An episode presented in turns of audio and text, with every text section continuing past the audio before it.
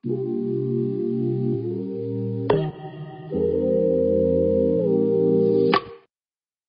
listening to Bincang Bareng Beso.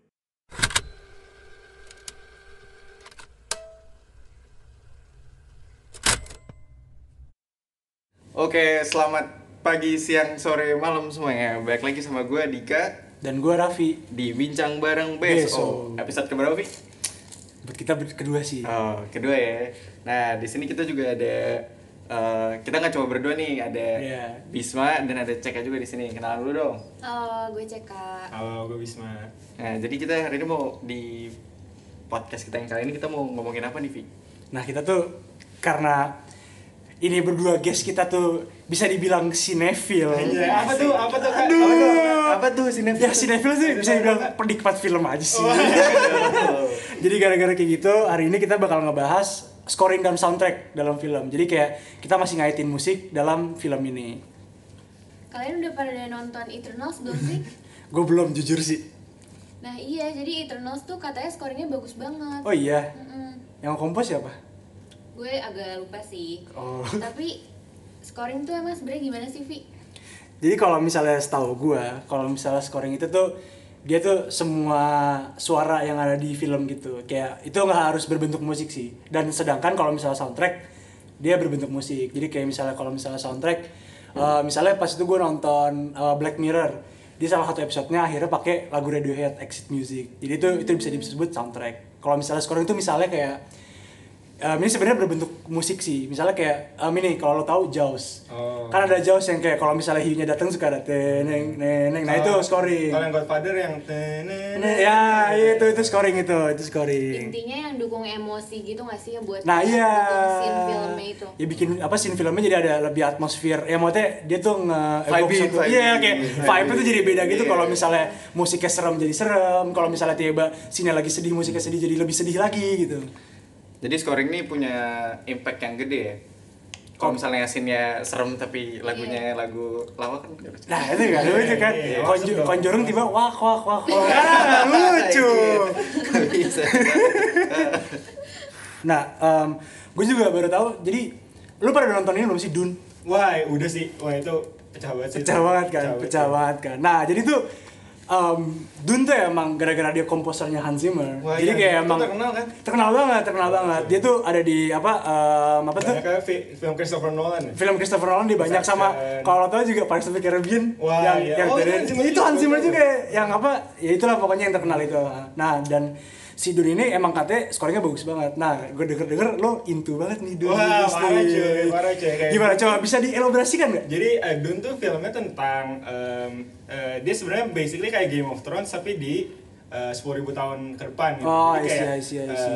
eh, lore-nya tuh masih kayak kerajaan-kerajaan terus di dunia Oh. tuh nggak benar-benar ada senjata. Jadi kayak meskipun udah 10.000 tahun ke depan cuma masih pakai pedang, masih pokoknya masih masih tradisional banget. oh ya. jadi kayak post apokaliptik gitu lah ya kayak bukan post apokaliptik sih cuma kayak lebih kayak eh, emang estetik dunianya kayak gitu aja Hmm, I terus see, I see. yang gue tangkap dari skornya Dune itu karena uh, skornya Dune itu kalau kalian tahu eh, kalau kalian pernah dengar maksudnya kayak itu ini banget kan apa namanya ada chant chant eh, Wah, I see, I see, I chant see. chant apa sih chant chant yang religius bukan religius apa ya chant chant yang kayak kayak maksudnya kayak tribal Kayak tribal ah, ya, iya, iya. banget, indigenous banget lah Iya, nah terus Ah. gue pernah baca interviewnya Hans Zimmer kenapa dia bikin kayak gitu karena eh, dia tuh pengen bikin eh, suara yang terkesannya tuh udah udah lama banget, udah lama Oh, ada di I dunia itu. Jadi kayak eh, meskipun setting film itu di sepuluh ribu sepuluh ribu dua ratus kalau nggak salah, Hmm, hmm, hmm, hmm. Eh, tapi eh, musiknya itu tuh udah ada dari beribu-ribuan tahun yang Oh. tahun yang lalu gitu dan itu bukan dari dunia kita. Jadi kayak Hmm. suaranya tuh bener-bener unik banget sih dan menurut gue cukup beda dari dari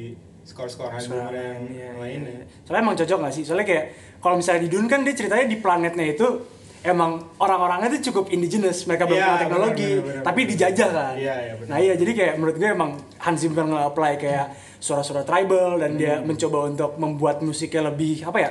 Kedengeran kayak em, bukan musik masa depan lah, walaupun Ah, itu iya, masa benar, depan, benar, benar, benar. itu jadi lebih nge-evoke kayak vibe-nya gitu. Iya, Jadi kayak kita ngerasa kayak ya udah kita nih ada di planet yang sebenarnya mereka indigenous gitu. Hmm. Jadi kayak lebih kerasa lah vibe kalau misalnya pas si apa Timothy Chalamet kayak jalan-jalan kan, yang pas apa pas di pasir-pasir gitu. Jadi kalau misalnya ada suara ada apa suara-suara yang um, chanting-chanting gitu jadi lebih kerasa gitu. Hmm. Iya, jadi gue ngerti sih. Dan karena Dune tuh ceritanya juga eh, dia tuh ada banyak faksi. Jadi ada Hmm. penjajahnya, ada indigenousnya, terus ada eh, race eh, witch-nya namanya Bene Gesserit. Nah, Bene Ya. Gesserit itu suara-suara dari Bene Gesserit itu Oh eh, itu keren banget sih. Iya kan, jadi kayak ada suara-suara eh, high pitch cewek-cewek kayak Oh. Kayak witch-witch gitu ya gue tuh nonton tuh kan sendiri ya di Ah, bioskop nih. oh, lu IMAX nontonnya? Enggak. Wah. Gue Kok sendiri kan nontonnya? Iya, gue takut kehabisan. Jadi kayak Ah, oke, gue oke. kayak aduh, ini waktu gue lagi lowong ya udah gue nonton sendiri. Sibuk Nah, banget biasa. Sibuk banget Iya. emang.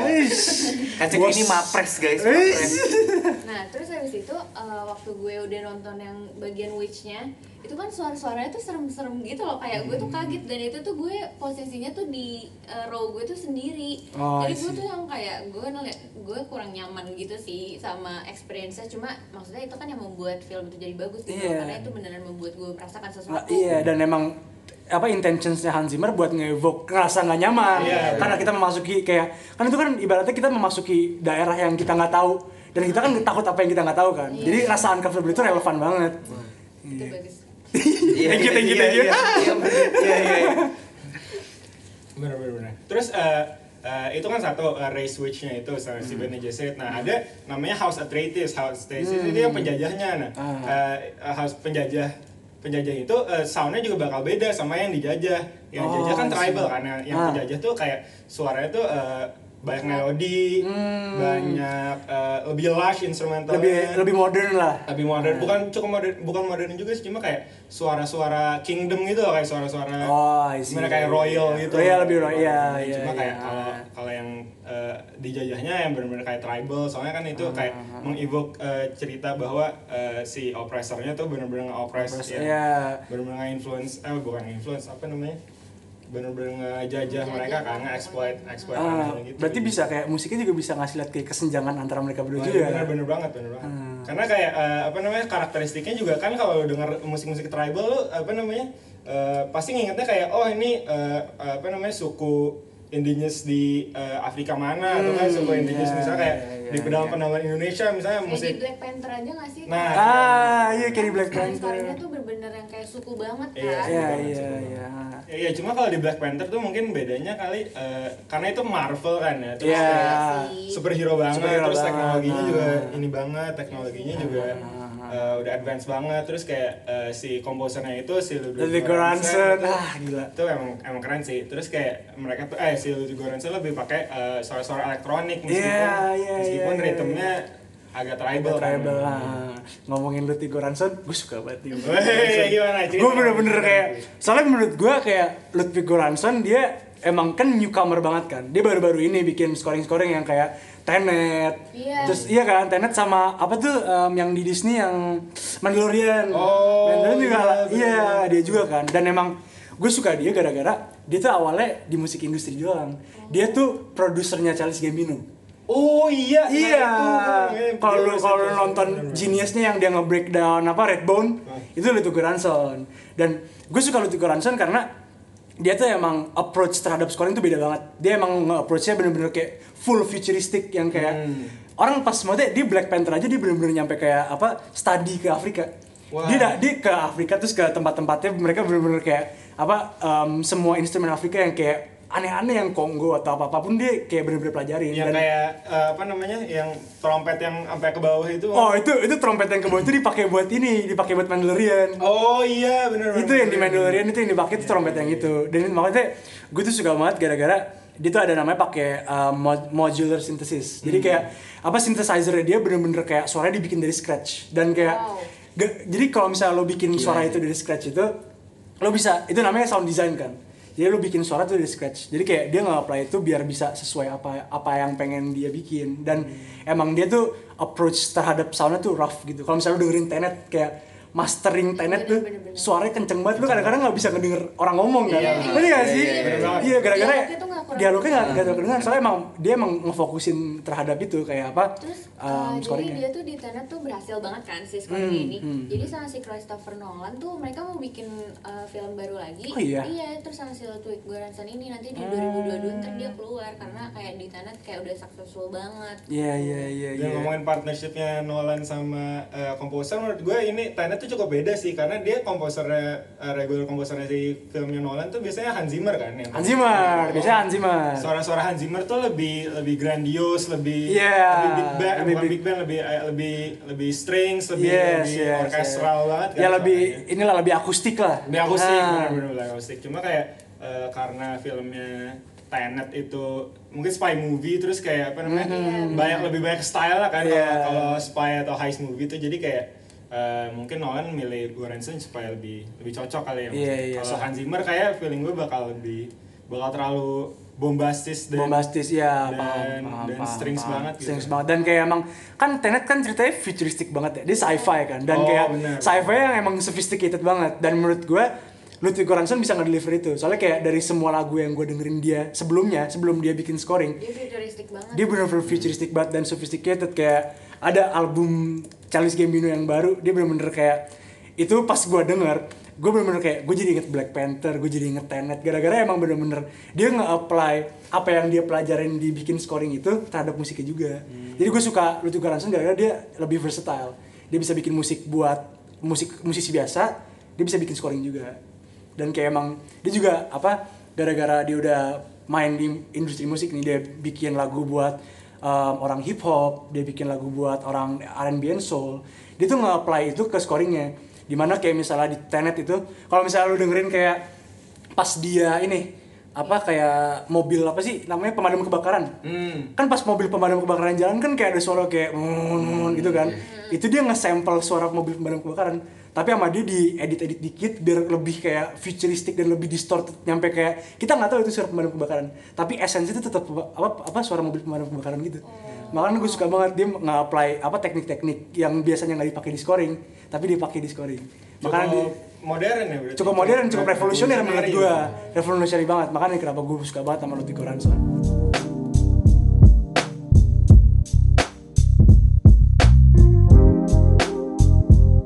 kan tadi udah nyebutkan gue suka banget sama Ludwig Göransson hmm. Dan salah satu apa bisa dibilang soundtrack bisa dibilang scoring juga yang paling gue suka main theme ya yang kayak apa ada seorang yang tadi gue sebut yang trompet yang bawah banget yang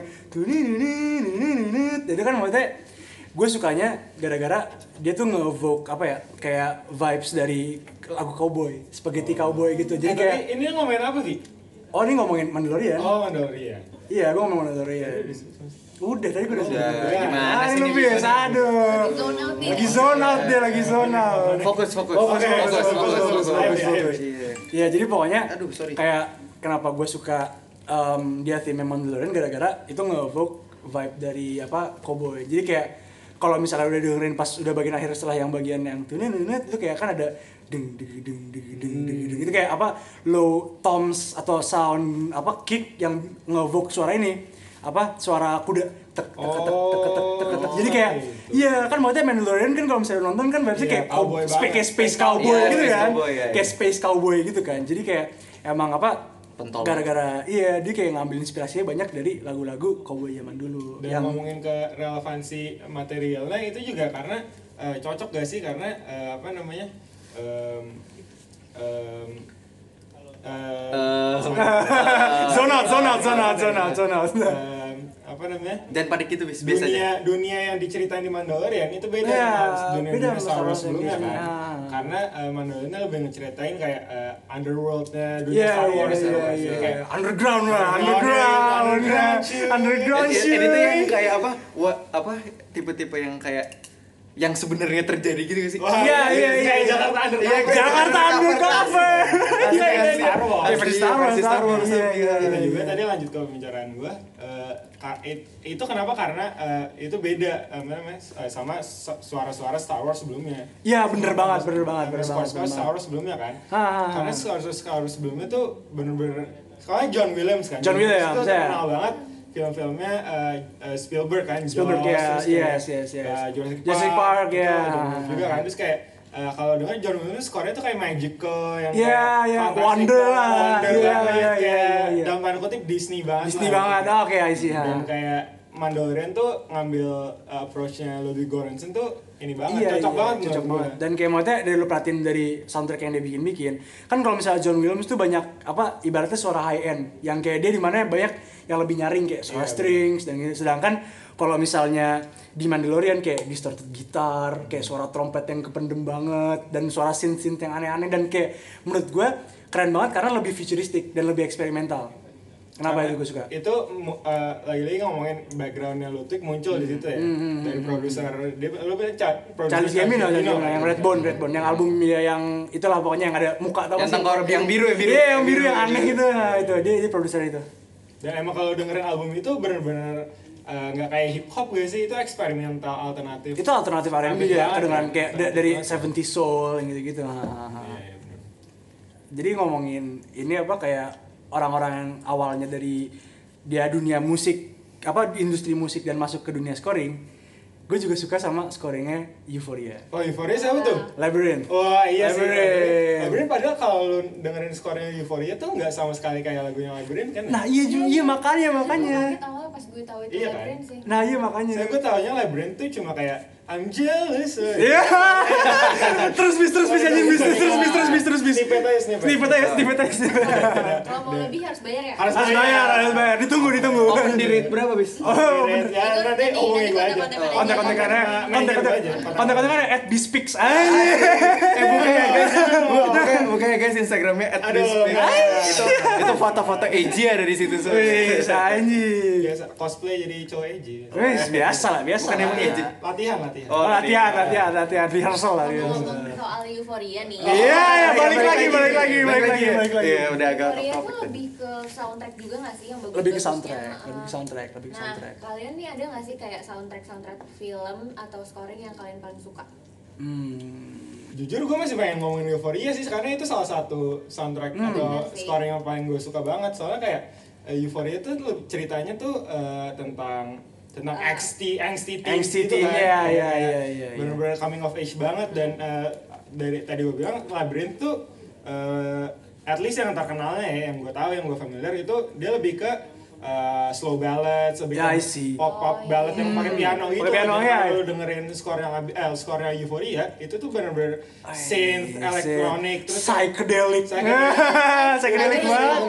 Pet psychedelicnya kacau banget. parah parah karena itu tentang tentang drug abuse juga Drug abuse, Jadi iya, iya, iya, benar, masuk. benar, jadi kayak apa namanya suara-suara high kayak apa namanya yang bisa gue compare tuh kayak mirip-mirip suaranya em, albumnya Kids Ghost Oh, I see Kid Cudi. Kid Cudi sama Kanye West, Kanye West. Jadi Iya, kayak iya, iya, iya, hip hop iya. banget terus Iya, kayak benar benar apa benar namanya, benar. suara-suaranya tuh ada suara-suara eh, apa namanya kalau kayak Kanye itu biasanya suka pakai vokal buat suara gitu kan ya. Oh iya, kalau iya iya, back sounding iya, gitu ya? buat- Iya iya iya. Dia kayak ya dia kayak nganggep apa um, human the human voice is the most amazing instrument. Iya, benar dan that ever exist Iya. ya jadi kayak emang ya gue ngerti banget sih maksudnya productionnya kedengaran banget hip hop dari maksudnya dari suara drums dari suara pads dan apa um, synthesizernya juga emang kedengarannya spacey banget dan itu bener-bener ngedukung banget scene nggak sih setuju setuju gila setuju. yang scene bener-bener yang kalau apa pas uh, Meru lagi house party dan dia ngambil drugs terus Wah, kayak iya, oh iya kan iya kan iya kan dan kayak eh, eh, atmosfer di yang ditangkap di kamera itu bener-bener banget eh, ke translate ke musiknya sih menurut gue karena kayak apa namanya kayak musik itu eh, eh, yang tadi gue bilang tinggi kan ininya Hmm, apa namanya em, eh, frekuensinya tuh pakai pakai eh, not-not tinggi kan jadi kayak iya, iya, eh, iya. terus kita bisa men- mengasosiasikan not-not tinggi itu dengan eh, dengan warna warna yang Warna, warna iya, colorful jadi kayak colorful, iya, masuk iya. banget sih emang masuk banget masuk banget masuk banget Kalau CK apa? Apanya tuh? Itunya dong apa Iya, namanya? favorite soundtrack Eh, atau iya, score. favorite Oh, soundtrack atau score. Kalau gue dari tadi kan kita ngomonginnya kebanyakan tuh action atau kayak Hmm. film-film superhero gitu ya. Gue tuh emang lebih sukanya tuh nonton film dan tertariknya tuh ke yang misteri-misteri gitu oh kan. I see Nah jadi gue tuh suka banget sama karya-karyanya tuh eh, kalau direkturnya tuh David Lynch. David Lynch Iya. ya Twin Peaks ya Iya, kan ya jadi David Lynch tuh sering banget eh, collab sama komposer namanya Angelo Badalamenti. Hmm. Nah, si Angelo ini ini nih yang bikin Blue Velvet juga Oh, I see. Iya, terus habis itu kayak jadi tuh uh, David Lynch ini emang kan kebiasaan uh, film-filmnya misteri kan tadi yang kayak udah gue bilang dan dia tuh uh, uh, si komposer itu sukses lah buat bikin uh, create suspense gitu di dalam filmnya. Iya, Nah. Jadi kayak uh, kayak ting ting ting itu dapat banget. Jadi kayak lo coba nonton deh kalau misalnya lo belum pada nonton ya. Gue belum nonton sih, gue belum Iya, nonton sih. kayak gue tuh suka banget karena tuh mereka itunya kan juga kayak filmnya tuh kadang surreal surreal gitu kan Dia- Surreal, iya surrealis banget. Iya dia tuh neo-noir banget. juga. Iya kan. neo-noir, dia neo-noir, dia neo-noir. Nah jadi kayak eh, gue suka banget pokoknya gitu.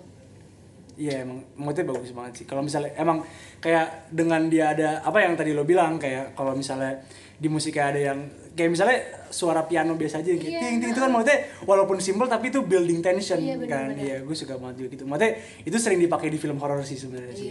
Tapi ini ngomongin film horor nih, lu udah pada nonton The Medium belum sih? Wah belum sih. Tapi katanya tuh itu serem banget ya. Hmm. itu serem banget dan weirdly yang gue perhatiin dari situ emang serem Skornya. tapi scoringnya bagus banget dia dia bedanya approach scoring sama misalnya kalau misalnya lu udah nonton ini em, apa eh, Hereditary Oh iya iya. Lalu kalau misalnya perhatiin misalnya Hereditary atau The Witch itu kan maksudnya dia dia ngambil em, scoring buat film horornya yang kayak lebih itu nyaring yang kayak high strings yang kayak Iya, bikin iya, kita iya. tension building Yang gitu kan ya. Ya. Yang Iya. nyanter untuk tension Iya building. kayak bikin kuping kita agak sakit dikit Iya. gitu kan yang kayak biar kita ah, ada apaan nih gitu kan. Sedangkan kalau misalnya The Medium yang gue perhatiin scoringnya lebih foreboding yang kayak yang bener-bener yang kayak deep sounding yang kayak bikin kita tuh lebih kayak gemeteran. Soalnya kan dia emang apa eh, dia kan balik lagi kayak ini gue ngomongin mirip sama Dune. Dia kan emang indigenous. Oh, iya. Dan kayak emang sama sama Dune dia banyak apa scoringnya yang chanting-chanting yang kayak dan itu gue tak gue makin takut gara-gara itu too close to home banget. Iya. Maksudnya dia banyak scoringnya pakai ritual-ritual yang kayak bener-bener kayak ritual tuh mirip kadang-kadang gue kayak itu ini di Indo ada nggak? kan? itu Asian itu Southeast Asian kan Jadi kayak- kan ya? Thailand dia Thailand jadi tuh emang bener-bener kayak too close to home dan bener-bener serem banget dan chantnya tuh mirip-mirip gitu loh ngerti gak sih sama kayak Iya. dukun-dukun gitu Iya, kayak dukun gitu. iya chant-chant dukun gitu ngerti gak sih yang bahasanya nggak jelas terus kayak ada suara kayak apa suara drum kayak dung dung dung dung itu maksudnya itu gue sukanya dia scoringnya bener-bener yang bikin kita bukan kayak building tension sesuatu yang kayak ntar jump scare tapi lebih kayak emang nih vibesnya emang Iya, te- udah tegang aja ominous tegang. banget. ominous banget dan kayak emang ya kok gue kan emang dikit-dikit belajar apa teori musik dan kayak dari yang gue denger di situ emang dia banyak kayak make teori yang apa ya maksudnya bisa dibilang kayak itu em, setan gitu gak sih? Kayak iblis lah gak sih? Kayak kalau misalnya denger kayak "Ini, ah serem Suara banget. iblis banget iya lah ya. kayak evil banget gitu loh. Soalnya emang kayak film-film horor kan emang banyak yang kayak gitu yang kayak emang ada Iya, iblis atau bener. kayak ada evil spirits yang gitu. Jadi kayak itu benar-benar ngedukung banget sama ceritanya juga gitu loh.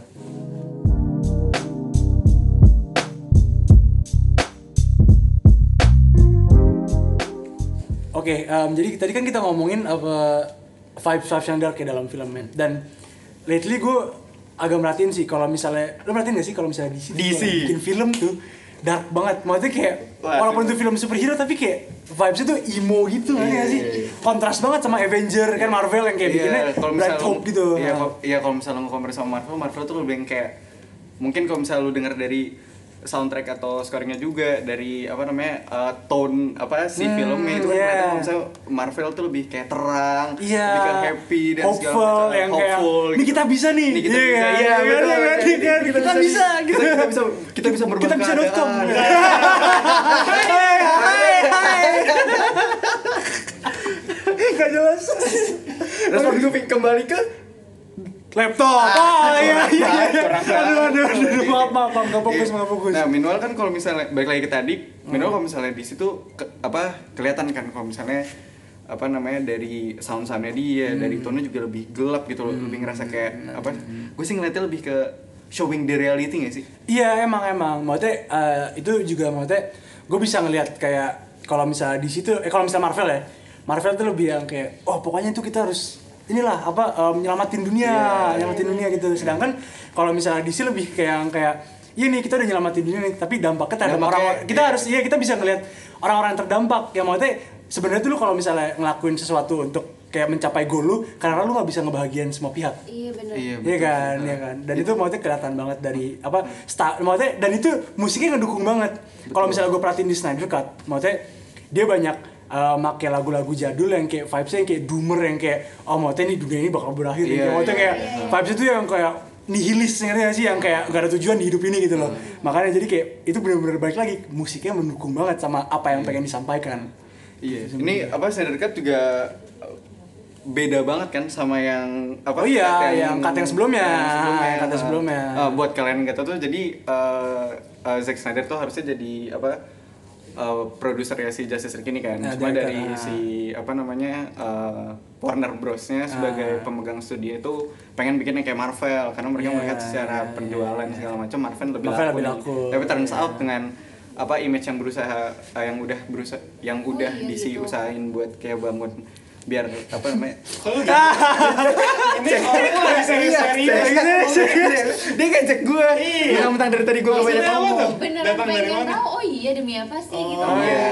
Iya, dianya mungkin lebih di ini lagi ini kali. sebuah ya. insight baru untuk gue wah insightful banget ya kak hmm gitu lanjutin dong lanjutin dong tadi gue sampai mana ya jadi Oh. kan dia mau bikin kayak Marvel nih Ah. cuma abis itu ya itu itu ternyata tuh emang agak nabrak dan apa namanya eh, sangat berbanding terbalik dengan apa namanya image-image yang Image, apa iya, image-image DC Snyder. sebelumnya gitu Ah, film-film iya, yang udah iya, gelap dia dan segala macem Ah, gitu ah, jadi ah, akhirnya eh, tapi sebelumnya udah ada juga nih yang udah diproduksi sama si Zack Snyder juga akhirnya fans-fans berat DC tuh Hmm. minta biar eh, Snyder Cut ini dikeluarin Iya, gitu. iya, Dan- nah iya, dari iya, situ iya. juga buat kalian nih nanti mungkin uh, yang denger kalau misalnya mau nonton nanti kalian juga biasanya ada video di YouTube juga yang Yang yang, komparasi iya, ya, compare. antara yang. Apa namanya produsernya aduh gue nggak tahu lagi produsernya yang yang terang tuh siapa Ah, nggak tahu lah, Iya, itulah dan, dan pokoknya. dengan yang si Cut ini ini beda banget Ah, gitu Tapi emang kalau gue perhatiin juga maksudnya kalau di DC tuh kayak overall DC ya, mereka lebih banyak pakai soundtrack dibandingin scoring. Maksudnya, Iya. iya kan, Iya, kalau iya, misalnya lu iya. perhatiin kayak Ah. kalau misalnya lu nonton Aquaman itu kan maksudnya dia juga banyak pakai lagu, lagu, lagu. yang udah ada gitu. oh, Dan, gue suka banget yang Wonder Woman sih ah iya, Ah, gimana tadi? oh iya, Gimana, waduh, gimana, gimana? Gimana lu? Coba gimana gimana? Itu kayak maksudnya ayo tiap, tiap kali gue denger itu kayak Wonder Woman Wonder Woman dan itu juga maksudnya itu juga menarik juga sih maksudnya lo juga bisa nge-identify kayak hal yang bakal terjadi dengan Iya, musiknya sendiri iya. kayak misalnya kalau misalnya apa um, Pirates of the Caribbean kayak neng neng neng neng neng Iya, neng itu kayak iya, maksudnya iya. apa Pirates Pasti of the udah- Caribbean apa, pasti lo kebayangin kayak dia megang tiang di udah, udah bayangin itu kayak Jack Sparrow iya, iya. udah kayak udah kelihatan banget dan kayak misalnya Ikonik banget. ikonik banget dan kayak paling ikonik menurut gua Star Wars kalau misalnya Oh, te te te te te itu kayak Darth Vader Iya, Darth Vader. Darth Vader udah Darth Vader udah datang maksudnya dengan apa kayak secara psychologically kita ke cue buat kayak mikir kan oh dia bakal datang oh ini bakal terjadi dengan Iya. musiknya sendiri Dan kayak itu fungsinya scoring juga memang begitu. fungsi kan, ya. juga bisa begitu juga Jadi untuk me- me- menandakan kepada penonton bahwa suatu karakter tuh datang gitu. Maksudnya Iya, kayak- iya, Kan biasanya di di kalau film superhero apalagi ya atau kan Ya, film betul, betul. action gitu. Eh, biasanya tuh satu karakter ada ti- timnya sendiri. Jadi Ah. kayak misalnya contohnya timnya Darth Vader atau misalnya eh, lo akrab banget ya bisa Iya. Apa ini nih tanggal gua si si si lah si Luke Skywalker apa kabar Iya. gimana bang nih itu cucunya Anakin gimana Alhamdulillah. Baik, baik. Baik, alhamdulillah baik, alhamdulillah. Udah lama ketemu gue. Dulu dulu SD gue nongkrong sama dia gimana? Gue udah lupa. Si adiknya Luke, si eh kembaran Luke tuh temen adik gua. Oh gitu. oh si ini ya Johnny Oh si Yoni.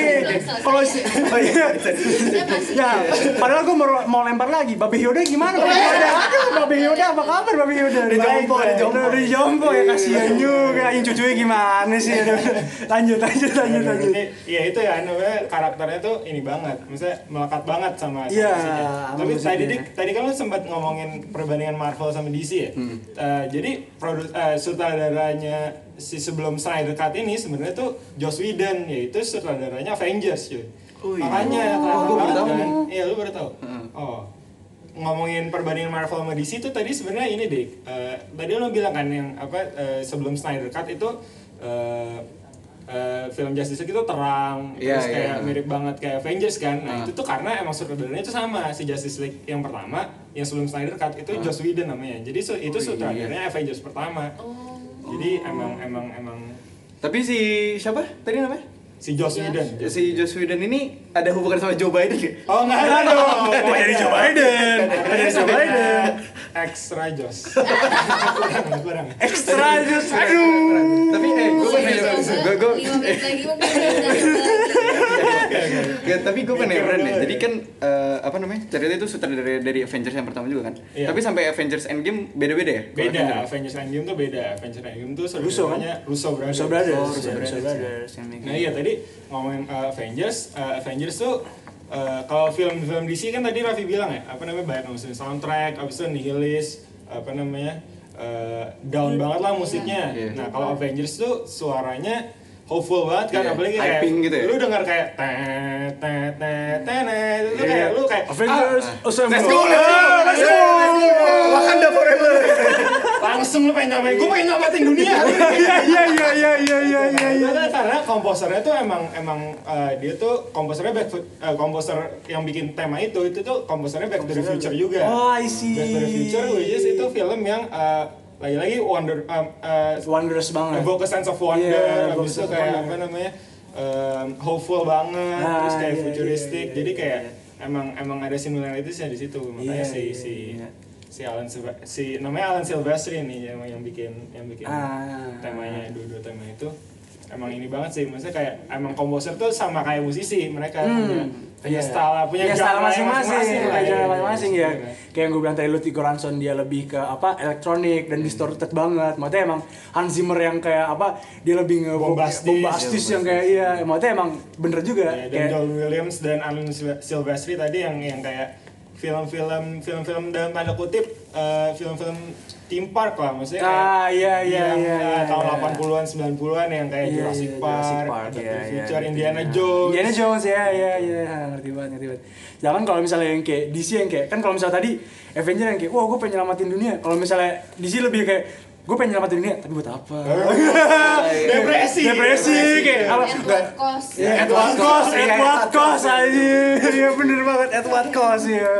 Tapi kadang kalau misalnya habis nonton film di situ, gue gue pribadi ya, kadang suka bikin merenung gak sih?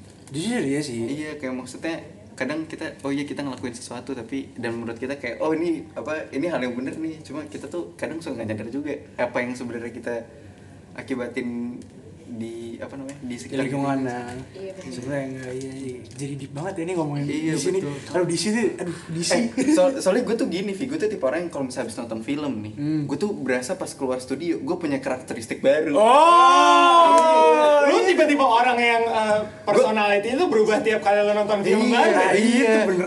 Gue waktu itu nonton Gundala, gue gue gue berasa gue pengen nyamper nyamper pakai petir tuh. Wah gila. Bukan nyamber pakai yang lain. Apa tuh? Apa Aduh. pakai sen- pakai sendal, pakai pakai sendal, pakai peci kan aduh gimana sih lu pada nih? Aduh, aduh. Itu lebih mirip mama sih. Ah, iya, maksud gua kan mama nyambernya maksudnya gitu. Tapi gue juga ngerasa kayak gitu sih. Maksudnya tiap Iya. kali gue nonton sesuatu tuh berubah gitu. Maksudnya kayak, aduh kayak personality gue langsung berubah. I have to change my life. Iya, bener. kadang-kadang ada, ada pencitraannya aja gitu kalau Iya. nonton gitu. Kayak maksudnya salah satu yang cukup life changing buat gue sebenarnya ini sih apa Eternal Sunshine, Eternal Sunshine of the Spotless Mind kan. Wah, bener banget. Gue semenjak nonton film itu, gue kan dia message-nya Eternal Sunshine of Spotless Mind. Lo bisa apa mencapai kebahagiaan yang abadi Iya, kalau misalnya lo melupakan hal yang di belakang, gitu kan. Jadi semenjak itu, gue langsung ini kayak apa ngerasa apa ya kayak gue kalau misalnya mau mencapai kebahagiaan gue harus ngelupain masa lalu gue gitu sih Tapi tuh gak mungkin gak sih?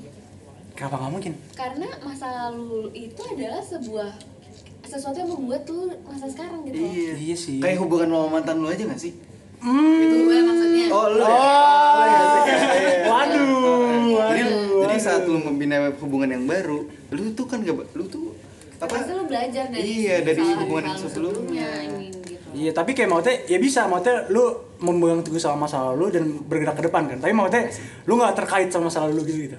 Maksudnya kayak Iya, lu iya. punya masa lalu, tapi lu nggak live in the past. Oh, tapi iya. lu lebih ngeliat ke depan gitu. Iya. Aja, optimis banget. Iya. optimis banget gue nih. ngomongin ngomongin masa lalu nih, gue punya punya fun fact. Gak fun fact sih, trivial gitu cuy. Tuh? ini nyambung nih sama sama sama topik yang baru aja blo, apa eh, Kita sebut. trending nih, Iya. ini nih. Jadi kayak eh, kemarin Taylor Swift baru ngeluarin album kan. Hmm. Ini yang yang yang cewek-cewek hipster zaman 2010 nih yang yang Twitter punya- stand, Twitter stand. Tumblr girls, Tumblr, girls. Pasti pasti go wild ya pas dengerinnya. nah ngomongin masa lalu ini terus eh, di satu lagu di album itu ada eh, lagu dia sama Phoebe Bridgers kan. Nothing Oh, Phoebe Nothing Bridgers. New. Nothing New. Nah, itu tuh lagunya tuh tentang eh, coming of age, tentang bagaimana lu eh, gak bisa grow up, bagaimana kesusahan eh, apa trials and stipu- stipulationsnya lu eh, jadi gede gitu. Terus Ya. di di lirik di lagu ini tuh ada lirik eh, ada ada bait. Apa tuh? Nah. Coba nyanyiin dong, Bis. Nyanyiin aduh. Pakai nyanyiin. pakai nada dong, pakai Snippet, nada. snippet, snippet, snippet. Oh, Oi, saya latihan dulu. Oh, latihan dulu, latihan dulu. Oke, oke. Gue bacain aja ya, bacain aja. Jadi liriknya tuh gini, I know someday I'm gonna meet her is a fever dream.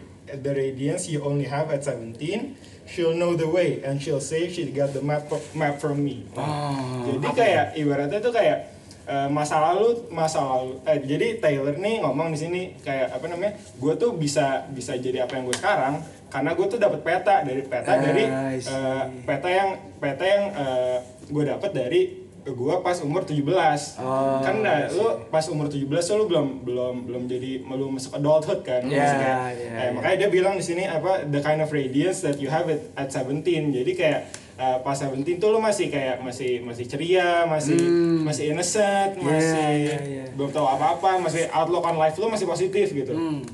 terus kayak eh, pas lu udah gede lu udah kayak lu bingung nih mau ke mana tapi lu eh, oh gue masih punya peta nih dari eh, umur eh, gue yang umur 17 gitu Oh, jadi kayak see. masa lalu tuh emang emang emang ap- apa namanya Eh, Berpengaruh tapi, ya? Berpengaruh banget sih. Jadi gue tuh nonton kan eh, si Taylor Swift nih kenapa dia bikin si lagu ini. Oh, lu beneran nonton? Beneran Oh, beneran. beneran. Eh, bener-bener spesial di Nothing New ini dia ngomong jadi dia bikin lagu ini nih karena eh, dia dia tuh bikin ininya tuh gini kayak bayangin lo lo baru pertama kali datang ke sebuah party misalnya kayak Ravi nih. Eh, coba menemin mata dulu. Oke, oke, oke.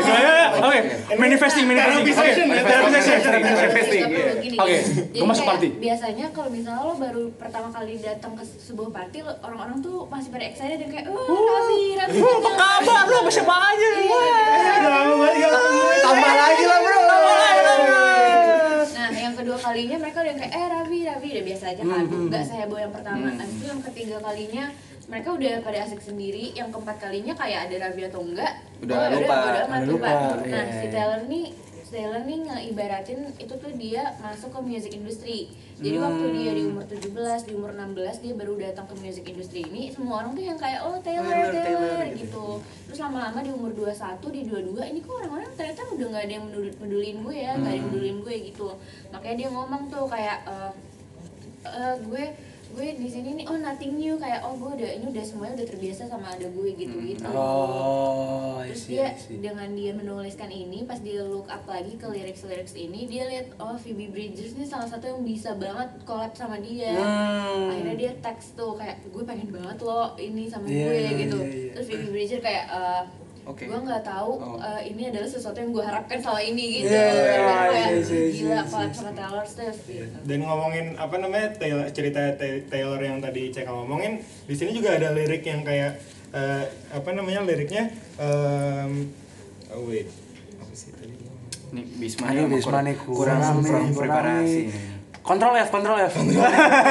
Oke. udah nemu udah nemu udah nemu liriknya tuh Lord what will what will become of me once I've lost my novelty. Berarti itu kayak eh, novelty itu eh, sense of something new gitu kan. Jadi kayak kalau lu udah oh eh, udah basi nih berarti kayak kata kasarnya gitu. Tapi kayak berarti si si orang tuh eh, si Taylor tuh nge-ponder dia tuh gimana kalau kalau kalau dia tuh udah basi di Iya, music orang- industry gitu. Jadi kayak orang tuh bakal ngeliat dia kayak gimana Ini tuh mirip banget ya sama oh ini tuh bisa ini tuh nyambung juga sama tema bincang bareng besok kita yang sebelum ini. Oh. Eh enggak yang bener-bener sebelum ini nih kita kan- Apa tuh, Dik? Apa, Dik, Kita kan Dik? kita kan- aduh apa ya waktu itu ya? Waduh. hostnya masa lupa nih Iya. mending nonton aja Iya, Mending biar tahu, makanya mending Iya. makanya kalian harus dengerin juga eh, bincang bareng besok yang sebelum ini judulnya apa ya? Bincang bareng BSO. Oh, bincang besok aja ya. Bincang Iya. bareng besok aja. Iya, s- apa namanya di podcast yang sebelum ini kita ngebahas tentang arti-arti dari eh, lirik-lirik lagu. Iya, dan gimana em, eh, apa ya pengalaman-pengalaman orang atau musisi lebih spesifik bisa berdampak terhadap songwriting orang apa songwriting mereka juga Iya, gitu. betul. Nah. Tune in ya, walaupun apa kualitas audionya ya nggak sebagus inilah ya. Masih Iya. pakai Discord Heeh. tapi ya nggak apa-apa Iya. lah. Masih bisa diserap lah Iya, kalau kalau di sini kan kita di studio salah satu teman kita, namanya Mas Abi Shauki, SSS Shogi SSS Shauki. SSS Shogi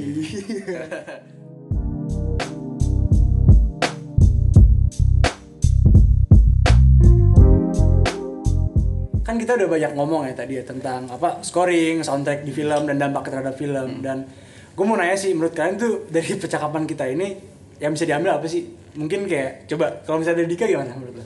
Gimana cek? Coba. jadi gini sih kalau gue bener-bener kayak scoring tuh dukung emosi banget untuk build up em- tension emosi segala macam ekspresi tuh bisa disalurkan lewat scoring gitu Hmm.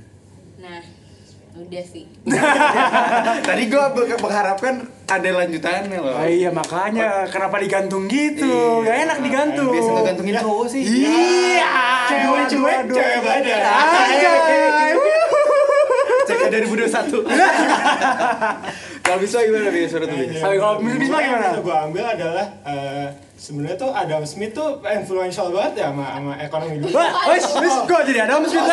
Wes, wes, wes, wes, wes. Anak FS semua. Anak FS semua, anak FS. Maaf, maaf, maaf. Finance, finance, finance.